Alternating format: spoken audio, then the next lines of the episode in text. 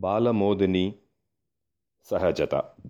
पूर्वं बर्मादेशे बौद्धभिक्षुः कश्चन आसीत्। उत्तमः कलाकारः सः। कस्यचन बौद्धालयस्य निर्माणविन्यासं करोति स्म।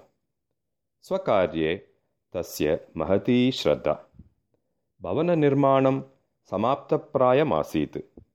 शताधिकाः जनाः प्रत्यहं भवनं द्रष्टुम् आगच्छन्ति स्म तथा आगतेषु कश्चन निरुद्योगी बहूनि दिनानि यावत् तत्रैव स्थितवान् भिक्षोः कार्यं प्रशंसन् तस्य कार्येषु सहकुर्वन् सः काले काले परिष्कारार्हान् अंशानपि ज्ञापयति स्म भवनस्य मुख्यप्रवेशद्वारस्य विन्यासः निर्मातव्यः आसीत् श्वेतपटस्य उपरि यदा भिक्षुः विन्यासं रचयितुम् आरब्धवान् तदा निरुद्योगी तस्य पृष्ठतः एव स्थितः आसीत्।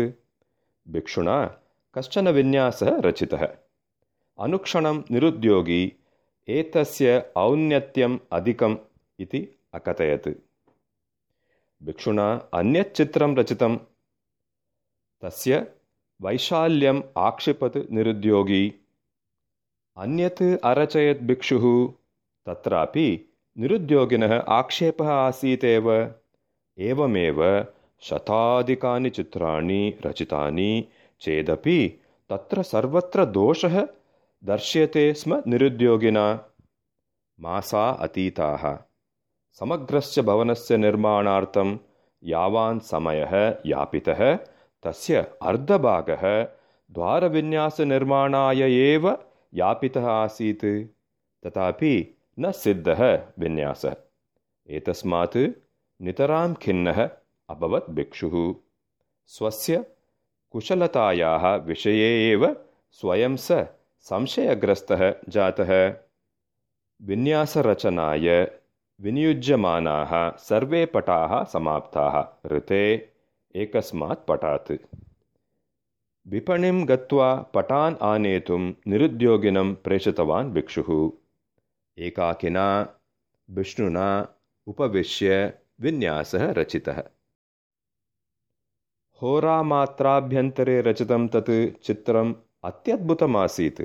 अतः भिक्षुः नितरां सन्तृप्तः तावता विपणितः प्रत्यागतः निरुद्योगी चित्रं दृष्ट्वा बहुधा अश्लाघत अल्पे एव काले अद्भुतं चित्रं रचितं भवता। अस्य यशसः रहस्यं किम्? इति पृष्टं तेन।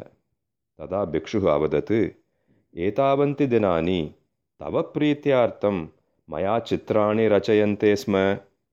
स यत्नः मम सहजताम् अनाशयत्। तव अस्तित्वं मया न विस्मर्यते स्म। अद्य अहं स्वकार्ये सर्वं विस्मृतवान् केवलस्य आत्मसन्तोषस्य निमित्तम् अहं कार्यं कृतवान्। तस्मात् उत्तमविन्यासः रचितः अभवत्। यावत् अन्यस्य प्रीत्यर्थं कार्यं क्रियते तावत् अस्माकं कार्यं श्रेष्ठं न भवति।